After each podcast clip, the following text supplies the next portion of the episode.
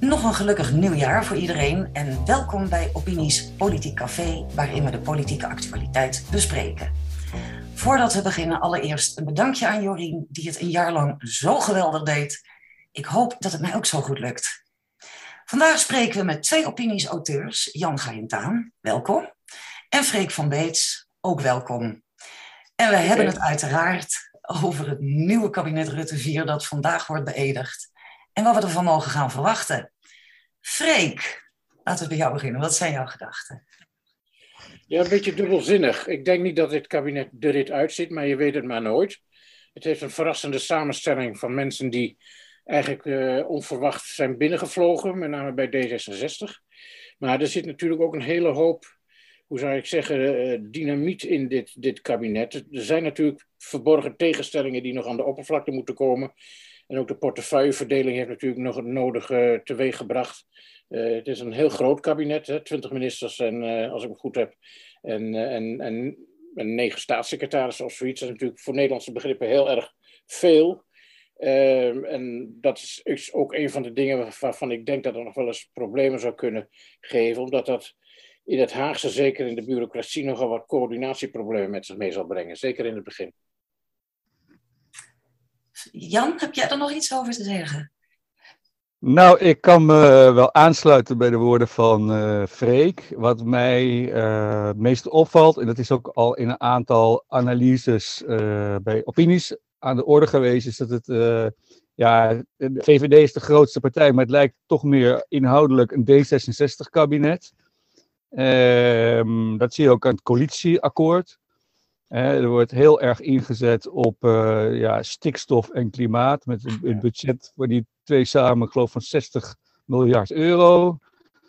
Er wordt gesproken over meer Europa. Uh, ja, immigratie wordt eigenlijk benaderd als een positief uh, gegeven.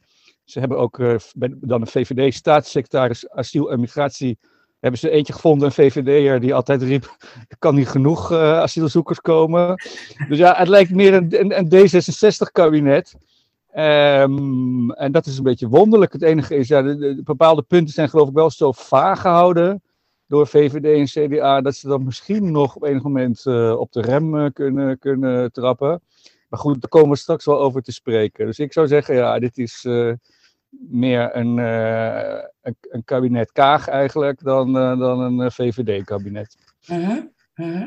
Nou ja, Kaag heeft, heeft toen, toen, toen nog sprake was dat wellicht PvdA en GroenLinks al dan niet onderling verbonden zouden toetreden, dat zij streeft naar een zo progressief mogelijk kabinet.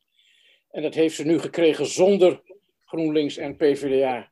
Ze heeft denk ik wat dat betreft goed gescoord. Hè? Want als je gewoon inderdaad naar het coalitieakkoord kijkt, er zitten toch allerlei punten in die, uh, waar, de, waar in ieder geval, zoals uh, Cohen zei als PvdA-voorman of ex-voorman, daar zou de, de, de, PvdA zo bij het kruisje hebben kunnen tekenen. Mm -hmm. Dus het, aan de ene kant is het een, een, een kabinet dat heel erg naar progressief of naar links leunt, zal ik maar zeggen. Maar dat maakt het voor de linkse oppositie denk ik ook heel moeilijk, in de, in, zeker in de beginfase.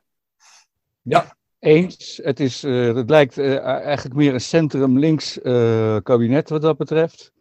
wordt ook niet. kijk, voorheen was altijd zoals je met de VVD regeerde. Die hielden wel strak vast aan de budgettaire discipline. Hè, er moest bezuinigd worden om niet meer schulden op te bouwen. Het liefst werden die schulden wat afgebouwd.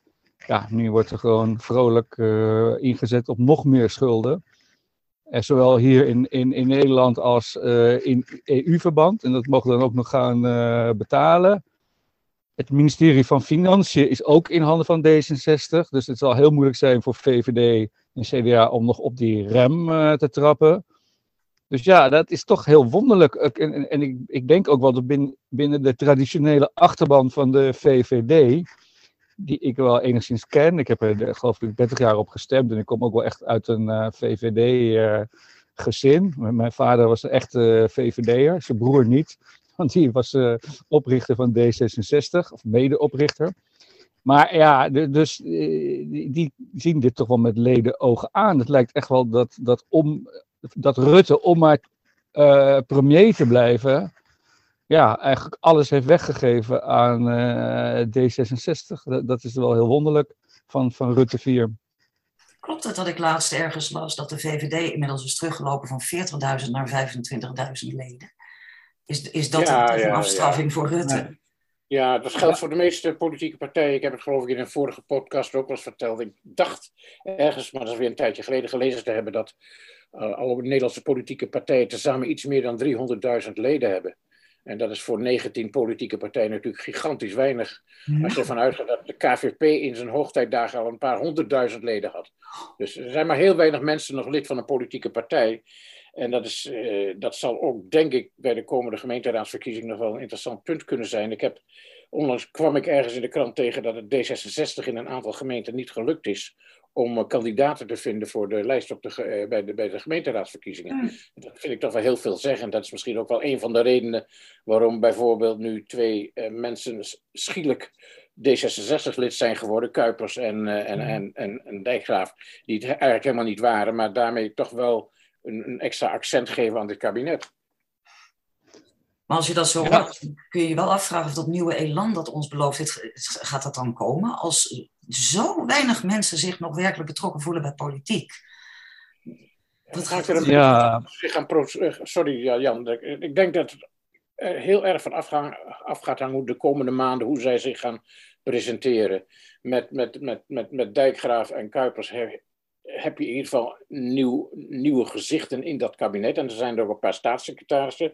Die, eh, die, ik, moet even, ik heb de naam hier liggen, die Guna Uslu van D66. Daar wordt ook veel van verwacht. Staatssecretaris voor Cultuur en Media. En zo zijn nog een paar namen die tot nu toe niet erg bekend waren. Die kunnen, die kunnen uh, heel erg bepalend zijn.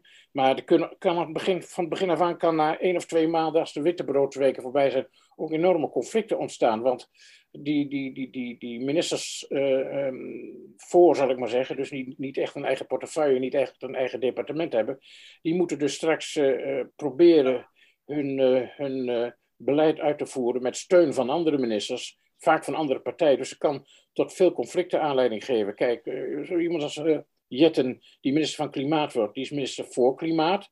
Heeft dus geen eigen departement, heeft natuurlijk straks wel eigen ambtenaren. Heeft een flink budget, hè, want dat fonds is natuurlijk gigantisch groot. Maar dat kan, dat kan ook betekenen dat allerlei problemen worden afgekocht in plaats van opgelost. Uh Ja, dat denk ik ook. En uh, ik, ik, ben wel eens met Freek overigens, die paar uh, frisse gezichten die niet uit de politiek zelf komen, die komen overigens, laten we eerlijk zijn, meer van uh, de D66-kant. Ja. Ja. Robert Dijkgraaf, nou, dat is gewoon een, een, hele, eh, een topwetenschapper, maar ook een leuke man met een frisse blik. Uh, Kuipers, ja, uh, ik was niet zo'n fan van Kuipers in het, uh, in het OMT. Omdat hij altijd ja, die lockdowns afdwong met allerlei overdreven doemvoorspellingen. En doemgrafieken. Hans van Telling en ik altijd zeggen van ja, het, het komt maar een kwart van uit. Maar in ieder geval is het wel een man, een, het is toch een medicus, een man vanuit het vak. Ja. die hopelijk toch daar wat, wat meer uh, ja, practice-based, nuchter, praktijkgeoriënteerd uh, naar zal kijken. Terwijl Hugo de Jonge, eh, ja, die was echt bezig meer om een soort politieke ideologie uit te oefenen op dat hele coronabeleid. En niet gehinderd door enige feiten. Daar, daar, daar komen we misschien straks nog wel over te spreken. Maar dat zou positief kunnen zijn. En die dame die Freek ook net noemde, die Gune Oesloe heet ze geloof ik. Ja. Ja, die is ook van D66 toch? Ja, uh, ja. ja die had ik ook nog even ge, ge, gegoogeld net. Maar dat lijkt ook wel, ja, die werkt geloof ik bij het Pearson uh, Museum ook. En, uh, en, maar het komt uit een, een, een migrantenfamilie. Haar broer is oprichter van een grote reisorganisatie. Corendon, hè? Ja. Corendon, dus ja, dat, dat lijkt op mij wel gewoon, uh, zo op het eerste oog, gewoon leuke, frisse mensen. Wat denk ik ook de politiek hard nodig heeft. dat is wat, uh, wat mensen komen vanuit die, van buiten die partijdisciplines, die al jaren hetzelfde, hetzelfde straatje bewegen. Dus dat vind ik wel een positief punt. Maar, op, maar het kan wel gaan, wat Freek ook zegt, gaan botsen. Uh, maar ja, ze hebben wel het voordeel dat ze natuurlijk een enorm uh, budget hebben. Ja. En um, dat zat ik ook vanmiddag nog te bedenken. Um, dat ze misschien het eerste jaar of de eerste twee jaar, tenzij echt die inflatieroute in het eten gooit, misschien wel de wind een beetje mee zullen hebben, omdat ze heel veel geld mogen eh, uitgeven. Ja. En uh, dat doet mij een beetje denken aan die periode toen de euro net was ingevoerd, in 2002 toen ging het eigenlijk een jaar of vijf ging het heel goed in heel Europa met die euro. Zelfs in Zuid-Europa had je een behoorlijke economische groei. Dus dat leek allemaal geweldig. Want, ja, want die hadden ineens een lagere rente door de euro dan ze gewend waren. Dus in Spanje begon iedereen een huis te bouwen. In, in Griekenland werd met EU-geld eh, e uh, overal viaducten en vliegvelden aangelegd. En dat, dat verdisconteert zich in een hogere economische groei en een hogere welvaart. Dus dat leek allemaal geweldig. Tot vijf jaar later kregen we dan eerst de kredietcrisis. Hè, in Amerika door die hypotheekbanken. En vervolgens uh, viel er een systeembank om. En toen was, was, was, er een soort wereldwijde crisis. een jaar later kwam daar eigenlijk nog bovenop de eurocrisis. Want toen bleek ineens dat die, al die bestedingen die ze in Spanje en in Griekenland en Italië hadden gedaan, ja, dat die helemaal niet productief waren voor een groot gedeelte. Het was gewoon, uh, uh, het was, het, het was eh, geld, hoe zeg je dat, goed geld naar slecht geld gooien. En, en toen hebben we natuurlijk enorm op de blaren moeten zitten. En nog steeds zijn daardoor die schulden veel te hoog.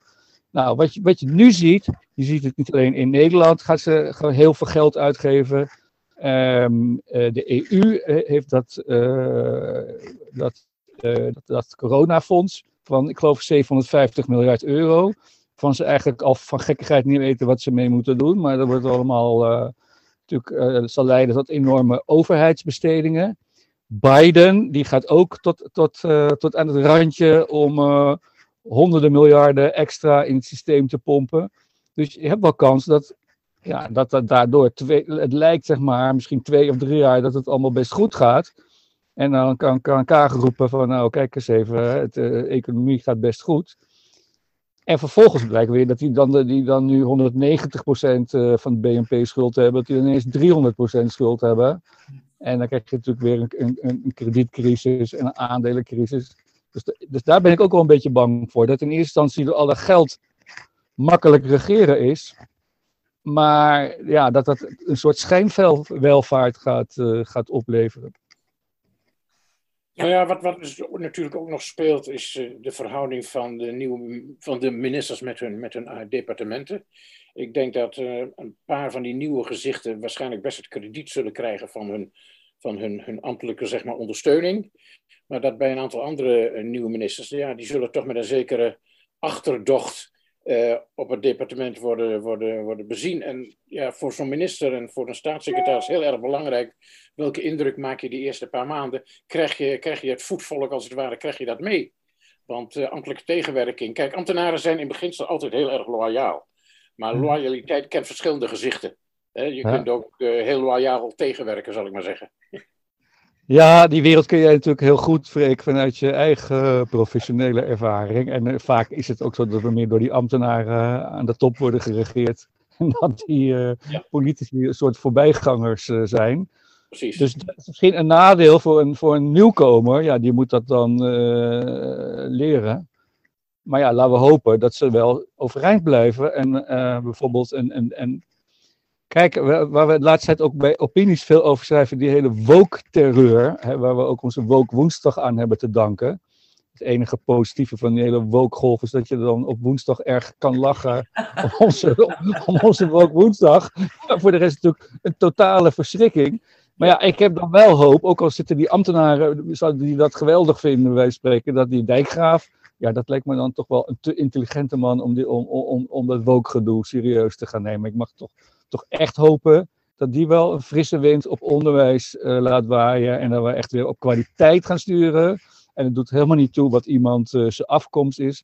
Maar dat we niet uh, helemaal die woke kanten op gaan met ons onderwijs. Dus, dus dat zijn wel positieve punten. Ja. althans, dat verwacht ik. Dus het is op ja. zich wel apart, want we hebben enerzijds een aantal nieuwkomers zonder echte politieke ervaring, zoals Dijkgraaf en Kuipers. Ja. Aan de andere kant hebben we een aantal mensen, ja, nieuwkomers niet echt, maar een, een Dylan Yesilgus die wel heel veel politieke ervaring heeft. Maar nu minister van Justitie wordt zonder enige juridische ervaring. Hoe zien jullie dat? Uh, dat vind ik wel een hele interessante, want we hebben, uh, er wordt nu heel erg gedaan alsof een minister van Justitie altijd een, een vakjurist moet zijn. Uh-huh. Dat is natuurlijk in, zijn, in de discussie met zijn ambtenaren, met zijn ambtelijke top en met het hele apparaat heel erg belangrijk dat hij dat jargon beheerst en dat hij dat juridisch denken als het ware ook, ook beheerst. Maar als je gewoon terugkijkt in de, naar de recente jaren, er hebben inderdaad altijd juristen gezeten, maar er waren niet altijd enorme succesnummers.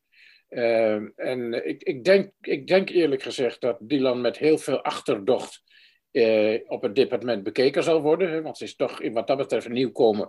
En zij is niet een van de, van de boys of een van de girls, zal ik maar zeggen. Uh, het zal van haar politieke vermogen uh, afhangen of zij in staat is om dat, dat logge schip, die mammoetanker, bij te sturen. Ik denk dat ze dat zou kunnen. Ik, bedoel, ik acht haar daartoe in staat. Maar als ze tegengewerkt wordt en er, er worden van begin af aan fouten gemaakt worden, ja, dan, is het, dan, is, dan, is het, onheil. Ja. Mm -hmm. Ja, nou dat weet ik eens met Freek. Ik, kijk, eh, een minister is een bestuurder en, en uh, er gaat het om die kwaliteiten als bestuurder. En uh, dat is niet zo makkelijk. Een heleboel mensen van je het had verwacht lijken toch geen goede bestuurders te zijn. Uh, het is wel zo natuurlijk, je moet de vakinhoud, je, als je die niet hebt, is wel een voordeel als je die hebt. Zeker op bijvoorbeeld een departement als, als volksgezondheid. En als je die niet hebt, dan moet je dat je snel eigen maken. Kijk, mijn probleem met Hugo de Jonge was dat hij dacht dat hij het allemaal wist.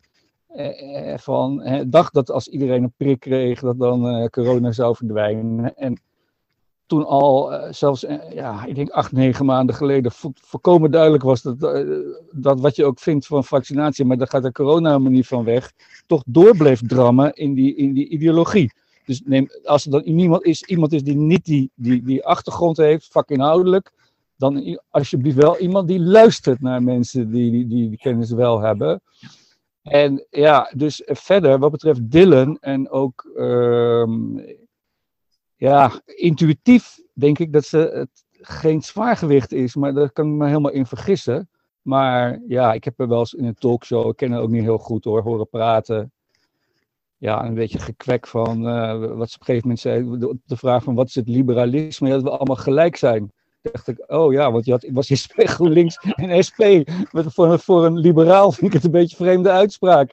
Dus ja, het is een hoop ge, ge, geklets allemaal van haar, vind ik. Maar ik zie niet echt... Uh... Maar nogmaals, ik kan me daar enorm in, ver, in, in vergissen. Ze hebben denk, denk ik wel een sterk karakter. Anders kom je daar ook niet. Uh, en, en een ander die, die ik wel persoonlijk beschouw als een lichtgewicht is uh, Rob Jette. Ja. Ja, wat is dat nou? Dit is ook zo'n zo'n kwekkertje die allemaal onzin verkondigt. En die is een jaar Kamerlid uh, geweest. En uh, toen moest Pechtold weg. En toen hebben ze de Jettema genomen. Waarschijnlijk ook omdat het paste bij uh, diversiteitsidee op dat moment. En waarschijnlijk ook omdat Pechtold niet eentje wou die beter was dan hij zelf. Daar is hij natuurlijk ijdel genoeg voor. Ja, maar was dat en... niet de concurrentie met Sjoerdsma en Paternotte? Dat ze dus maar de derde er maar hebben genomen? Ja, nou zoiets, maar het, het, was geen enkel. Die man bleek ook, is uiteindelijk afgedropen in die functie, omdat hij geen enkel draagvlak had. Ja, en die wordt ineens minister van Klimaat. Nou, uh, nou heeft hij dan misschien niet uh, direct het, uh, dat budget onder, onder zijn hoede, als ik jou goed beluister, Freek. Nou ja, hij heeft wel een budget, maar hij heeft nauwelijks een echt departement. Hè? Dus uh, ja, hij moet, ah, hij maar... moet doen met hem toegewezen ambtenaren. Want uh, dat fonds heeft hij natuurlijk. Maar hij moet zich invechten tegen de belangen van andere departementen in. Ik bedoel, iedereen onderschrijft wel dat we iets aan klimaat moeten doen. En ik, weet ik allemaal niet wat. Maar je hebt, nog, je hebt ook nog een staatssecretaris voor stikstof, geloof ik. Het wordt allemaal heel ja, ja. en lastig, volgens mij. Ja, want dat is ook zo spannend. We krijgen er wel een aantal nieuwe ministeries bij. Ja. Wat zeg je? We krijgen er ook wel weer een aantal nieuwe ministeries bij. En als ik daar zo naar nou. kijk, dan, dan zie ik ministeries die uh, elkaar toch eigenlijk behoorlijk overlappen. Natuur en stikstof, klimaat en energie. Ja. Het, het, dat zijn overlappingen, denk ik dan. Nou ja, klimaat ja. bij het ministerie van Economische Zaken, als ik het goed heb. Dat wordt nu een beetje uit elkaar getrokken. Kijk, in zo'n departement kent allerlei uh, directies en directoraten-generaal. Dus er worden gewoon clubjes ambtenaren, als het ware, die worden als het ware toegewezen aan een staatssecretaris of aan een minister. En die moeten dus nu ineens voor iemand gaan werken. Maar die vallen nog altijd wel binnen de organisatie van zo'n departement. En dat geeft altijd problemen. Ik kan uit ervaring spreken, dat zijn nooit echt altijd goede oplossingen geweest. Nee, maar ik heb datzelfde idee, want je hebt, dat is, misschien was dat al hoor, dat weet ik niet eens, maar je hebt bijvoorbeeld Dylan, minister van Justitie en Veiligheid, maar iemand anders, die, die burgemeester van Almere, die is dan minister van Rechtsbescherming. Ja, ja. je hebt er gewoon steeds meer ditzelfde doen. En uh, ja, ik vind dat ook, eh, het, het, past een beetje bij deze tijd, maar ik ben daar ook een beetje ouderwets in. Ik, uh, ik vergelijk het wel eens met, met voetbaltrainers. Vroeger had je de voetbaltrainer was een eenzame figuur met een regenjas. En als er dan gescoord werd, dan zag je bijvoorbeeld Happel, zag je dan een sigaretje opsteken langs de zijlijn. Tegenwoordig, als er gescoord wordt, zie je, dan zijn er iets van tien van die, van die stafleden daar buigen. Dus dat zijn de, eh, de, trainer, de vijf hulptrainers, de fysiotherapeut, de haptonoom, uh, de keeperstrainer. Ja, ja, ja. Die staan er allemaal dan elkaar een minuut te knuffelen als er gescoord wordt. Ik vind het wel geestig. Maar zo is het misschien ook een beetje in de politiek, dat ze het niet meer uh, zelf kunnen. En dat, maar volgens mij werkt dat niet goed. Want waar we ook al veel over schrijven bij opinies, die overheid wordt steeds dysfunctioneler. Ja. er gaat steeds meer geld naartoe, maar er komt steeds meer uit. En dat zie je met alles. Uh, ja, en, en, eh, die hele, dat hele uh, ja, waterhoofdidee van dat je zo enorm veel mensen hebt aan de top. Ja, met allemaal overlappende bevoegdheden. Terwijl degene die het doen, de, hè, de Indianen, wat vaak in het bedrijfsleven wordt gezegd, je hebt één opperhoofd nodig en een aantal Indianen. Maar nu heb je een paar Indianen en een heleboel opperhoofden.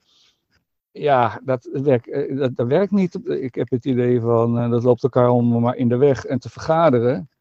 Maar er komt uh, niks uh, zinnigs uit. Dus uh, ik deel wel jouw, jouw cynisme, Ines, op dit punt. Ja, ik denk dat je. kijk, het is een, je, er sprake van een soort, soort, hoe zeg je misvatting dat een grotere overheid een sterkere overheid is. Maar dat is natuurlijk uh, helemaal niet waar. Je, krijgt alleen maar meer bureaucratie. Zeker nu ja. er grote fondsen komen. Dat moet allemaal verdeeld worden. Er moeten allemaal mensen zijn die dat gaan controleren. En er worden weer allemaal consultants ingehuurd. Want dat geld moet verdeeld worden enzovoort. Ja. Uh, ik zie dat het probleemoplossend vermogen niet toenemen. Ja. Maar wat ik me. Kijk, ik had net gezegd van er is zoveel geld dat ze misschien best uh, twee of drie jaar verder komen met een, met een soort schijnwelvaart. Gewoon omdat er heel veel geld wordt uitgegeven. Aan de andere kant denk ik dat. Uh, alleen de vraag is wanneer dat zich een hevige. Maar wat je nu al ziet, inflatie is nu geloof ik 5%. Ja. En, en, en als dus zowel de EU als uh, de Verenigde Staten doorgaat in dit tempo die bestedingen op te voeren dan wordt dat misschien wel 10%. En uh, plus, je hebt eigenlijk een energiecrisis. En dat wordt waarschijnlijk alleen maar erger door dat hele idiote klimaatbeleid. Want je kan wel 60 miljoen of 60 miljard gaan uitgeven aan stikstofmaatregelen en uh, hernieuwbare energiebronnen en dat soort dingen. Maar daar rijden die auto's uh, niet van. Althans, niet in deze mate waarin ze nu rijden. Dus ja, kijk, dan denk ik dat je dan ook wel een soort. Er is al weinig draagvlak. Hè? Ik geloof dat dit, dit, dit, deze coalitie nog maar door uh, virtueel op 58 zetels of zo uh, kan ja. rekenen op dit moment. Dus ja, kijk, als echt uh, blijkt dat die inflaties doorzet en dan wij spreken in de zomer 5 tot 8 procent inflatie hebben, Plus dat op een gegeven moment die energierekeningen nog verder de hoogte in zouden gaan en de benzine aan de pomp nog, nog duurder wordt. Ja, dan krijg je wel een uh, soort uh, volksopstand, uh, denk ik. Nou ja, daar, wordt, er wordt ook door verschillende columnisten ook al op gewezen. Hè, dat die maatschappelijke onvrede die er gewoon is, die, die tot nu toe niet echt tot uiting komt, ja, behalve dan het vuurwerkverbod wordt dan, wordt dan niet gehandhaafd en wordt dus ook overtreden. Maar er is maatschappelijk onvrede die tot nu toe redelijk nog on, on, uh, aan de, onder de oppervlakte blijft. Maar inderdaad, als, als de, de, energieprijzen blijven stijgen als uh, de, de, de, pensioenen achterblijven bij de, bij de inflatie, want dat is natuurlijk ook nog een heel groot probleem. De woningcrisis is ook niet echt in deze kabinetsperiode opgelost. Kortom, er wordt gesuggereerd dat heel veel maatschappelijke problemen nu eindelijk worden aangepakt.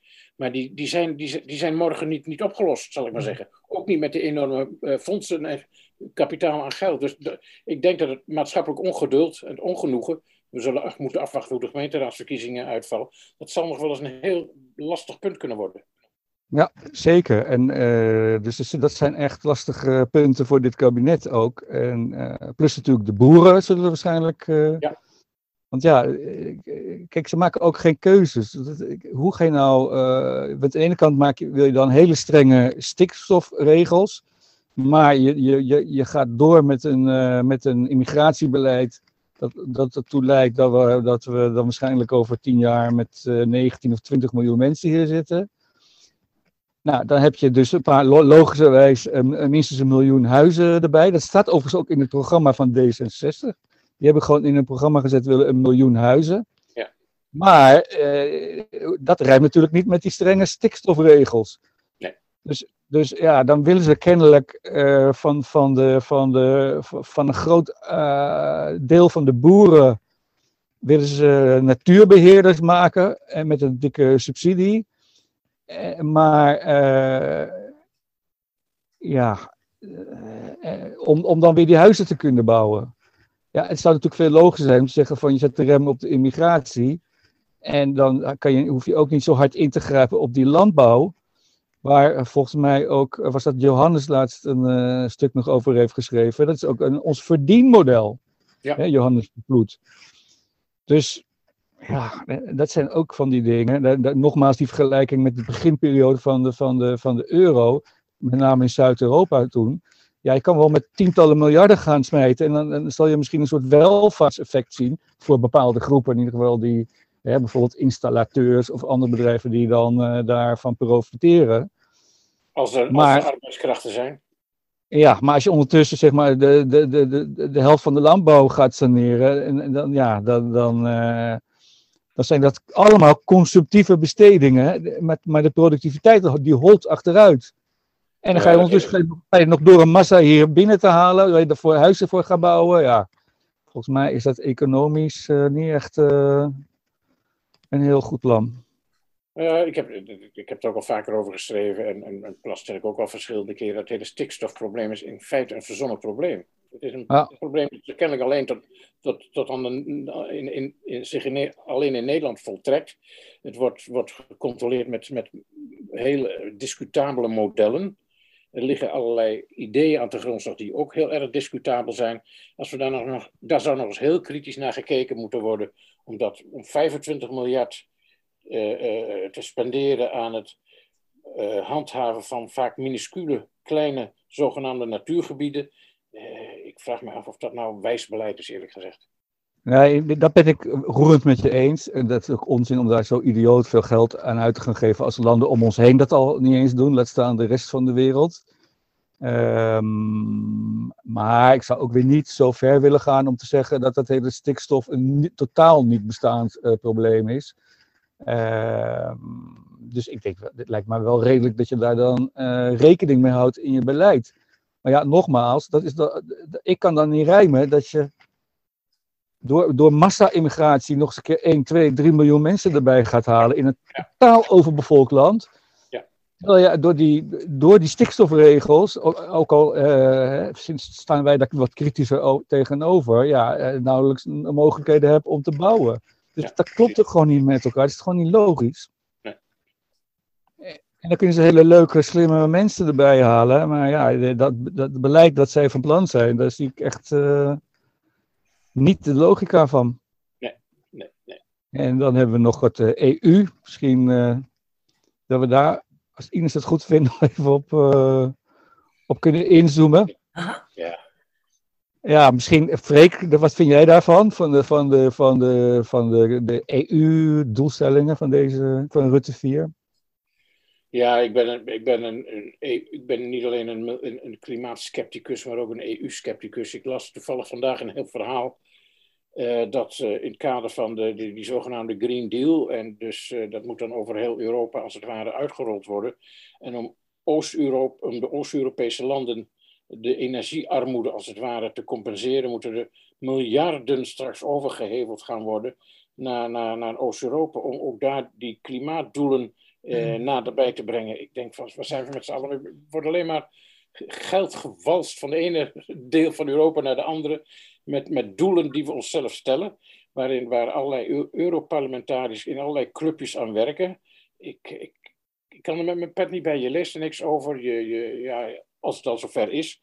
Het lijkt wel alsof allerlei dingen zich voltrekken zonder dat er enige kritische distantie sprake is. Nee, het begint inderdaad een soort EU-SSR eh, te lijken. En, uh, maar dat is wel voor mij ook een heel groot zorgpunt bij dit uh, kabinet. Ook met name omdat dan Kaag uh, minister van Financiën is. Hè, en D66, en zeker Sigrid Kaag, is natuurlijk een heel duidelijk een federale visie op de EU. Ja. een visie die helemaal niet volgens mij gedeeld wordt door de Nederlandse bevolking de Nederlandse bevolking is weliswaar niet in meerderheid nu voor een exit. Ik denk dat dat hooguit ongeveer een derde is. Uh, maar om echt een federale EU is ook niet meer dan een kwart of zo die dat willen. Da daar ben ik wel bang voor, dat ze daar dan toch. En, en, en Sigrid Kaag heeft daar wel een heel belangrijke rol in. Want ja, eh, de, de Europese Commissie komt met allerlei plannen voor Europese belastingen en verder eh, nog, nog meer bevoegdheden overdragen, immigratiebeleid overdragen. Nou, de Duitse regering heeft al gezegd dat, dat die willen dat gewoon. Hè? Dus het is ook een centrumlinkse regering nu. Met de SPD als belangrijkste partij, met Scholz. Die uh, overigens wel, ik me herinner, als een beetje een realo man. Maar ja, hij zegt in ieder geval wel dat hij dat, uh, dat uh, wil. Macron is natuurlijk de grote gangmaker. Dus we moeten even afwachten of Macron herkozen wordt in mei. Maar zoals ik nu die peilingen zie, dan is de kans heel groot dat hij herkozen wordt. Ja, denk ik ook. Ja. En dan gaan Duitsland en Frankrijk dus in de tweede helft van dit jaar, of misschien al in juni, als afronding van dat voorzitterschap, hè, dat rolerend voorzitterschap van, uh, van Frankrijk in de EU, die gaan een grote stap naar voren willen maken. En uh, dan ook misschien even die vergelijking weer te maken met de beginperiode van de, van de, van de eigenlijk niet van de euro, maar van de EU, toen de EU eh, besloten is, maar ook de euro is toen al besloten. En dat was een periode zeg maar, tussen 1990 en 1992, kort na het vallen van de muur. Toen is besloten om de, e, de EG had je toen. Hè, de EEG was al de EG geworden, Europese gemeenschap. En dat is toen omgezet naar een EU. En toen hebben ze ook het besluit genomen om de euro in te voeren. Alleen die is dan uh, tien jaar later pas daadwerkelijk ingevoerd in het betaalsysteem. En dat en dat is eigenlijk, als je dat allemaal herleest, ook de mensen die daarbij betrokken waren, is dat gelukt omdat Wim Kok toen voorzitter, uh, die was uh, minister van uh, Financiën. Die was toen nog geen premier. Die was toen, dus Lubbers was de premier, maar Kok was de minister van Financiën. Ja. En Kok had een hele nauwe samenwerking met Jacques Delors. Dat was toen de voorzitter van de Europese Commissie. En volgens de kenners was het eigenlijk die, die, die euro en de EU was niet eens zozeer dat Mitterrand dat per se wilde of dat Kool dat wilde. Dat was echt het idee van Delors. Delors wilde dat uh, doordrukken vanuit het idee van ja, toch een federale EU waar hij van droomde. En Kok was de ideale man om dat allemaal uh, ja, er doorheen te drukken vanuit uh, een kleine, maar toch rijke en loyale, belangrijke EU of toen nog EG-lidstaat. Dus ja, nu, nu, nu zie ik wel erbij hangen dat Sigrid Kaag dan een beetje de Wim Kok wordt van, van deze periode. En dus loyaal gaat medewerken om, om, om, om, om bijvoorbeeld Europese belastingen door te gaan voeren. En die volgende stap te zetten in die federalisering. Ja, en er, zullen weinig, er zullen weinig op de rem trappen. Ik zie de VVD daar niet toe in staat. Niet de huidige VVD. En de oppositie heeft eigenlijk niks in te brengen. In, in hoeverre ja. is, is, is dat spanningsveld tussen Rutte en Kaag beslissend voor dit soort dingen? Want je krijgt wel de indruk dat Rutte eigenlijk amper tegen Kaag op kan af en toe. Ja, Rutte is volgens mij volledig de wegbijster en die, die wil alleen nog maar... Volgens mij is dat ook een eenzame man op een zolderkamer die helemaal zich vastklemt aan dat premier zijn. Hm. En eh, dat, volgens mij eh, gaat dat boven alles bij hem. En, maar, maar ik vind het ook heel raar dat, eh, dat, dat, eh, dat eh, Rutte is, VVD is nog steeds de grootste partij. Dus dat ze dat hebben toegestaan dat eh Sigrid Kaag Ja. minister van, Finan- van Finan- Financiën wordt. En dat Hoekstra dat ook toestaat. En ja, dat is allemaal wel heel wonderlijk natuurlijk. Want kijk, bijvoorbeeld bij die, om even terug te pakken op dat coronafonds van de EU van 750 miljard euro. Toen waren Rutte en Hoekstra eigenlijk nog een beetje leidend in, de, in het tegenspel daarop. Uiteindelijk hebben ze het wel besloten, maar samen met eh Koerts in eh, Oostenrijk hadden zij een soort tegencoalitie van die, die, die frugal voor. Die, er waren er dan weer zeven, maar die, wat die zuinige, wat meer eh, financieel conservatieve landen. Daar gaven zij leiding aan. En Hoekstra was natuurlijk ook een belangrijke speler daarin. Ja, en nu zit Hoekstra, die gaat dat misschien nu als minister van Buitenlandse Zaken ook wel dat soort teksten bezigen. Maar die heeft niks meer te zeggen over de centen. Dat Nee, is dit- heel dit- dit is de prijs, dit is de prijs die de VVD betaalt voor, eh, voor het bi- binnenhouden van D66 en niet hoeven mee te doen van eh, GroenLinks en PvdA. Eh, Ja. D66 heeft een hele hoge prijs geëist. En ja, dat, dat blijkt dus nu. Nou, Dus ja, da- da- dat zijn de redenen. Dus, dus met name deze dingen. Het idioot veel eh, weggeven van geld aan klimaat. eh, op, op een niet efficiënte manier. eh, waardoor je ook eh, waarschijnlijk oncontroleerbare kosten krijgt als een bu- burger voor energie en, Ja. eh, en benzine. Plus die, die hele idee van D66 om dan een federale EU voor elkaar te krijgen. Dat zijn de belangrijkste redenen waarom ik wel eh, toch wel fel tegen dit kabinet ben. Met, met de positieve noot van ja, een paar eh, frisse gezichten heb je er wel bij. En eh, misschien zullen we ook wel goede dingen doen. Laten we daar maar op hopen. Maar Ja. nou, ter, het ter, algehele beeld stemt mij niet vrolijk. nee, ter afsluiting heb ik inderdaad de simpele vraag. Weet je, hoe lang blijft dit kabinet zitten? Hoe lang denken jullie? Gaat dit, gaat dit levensvatbaar blijven?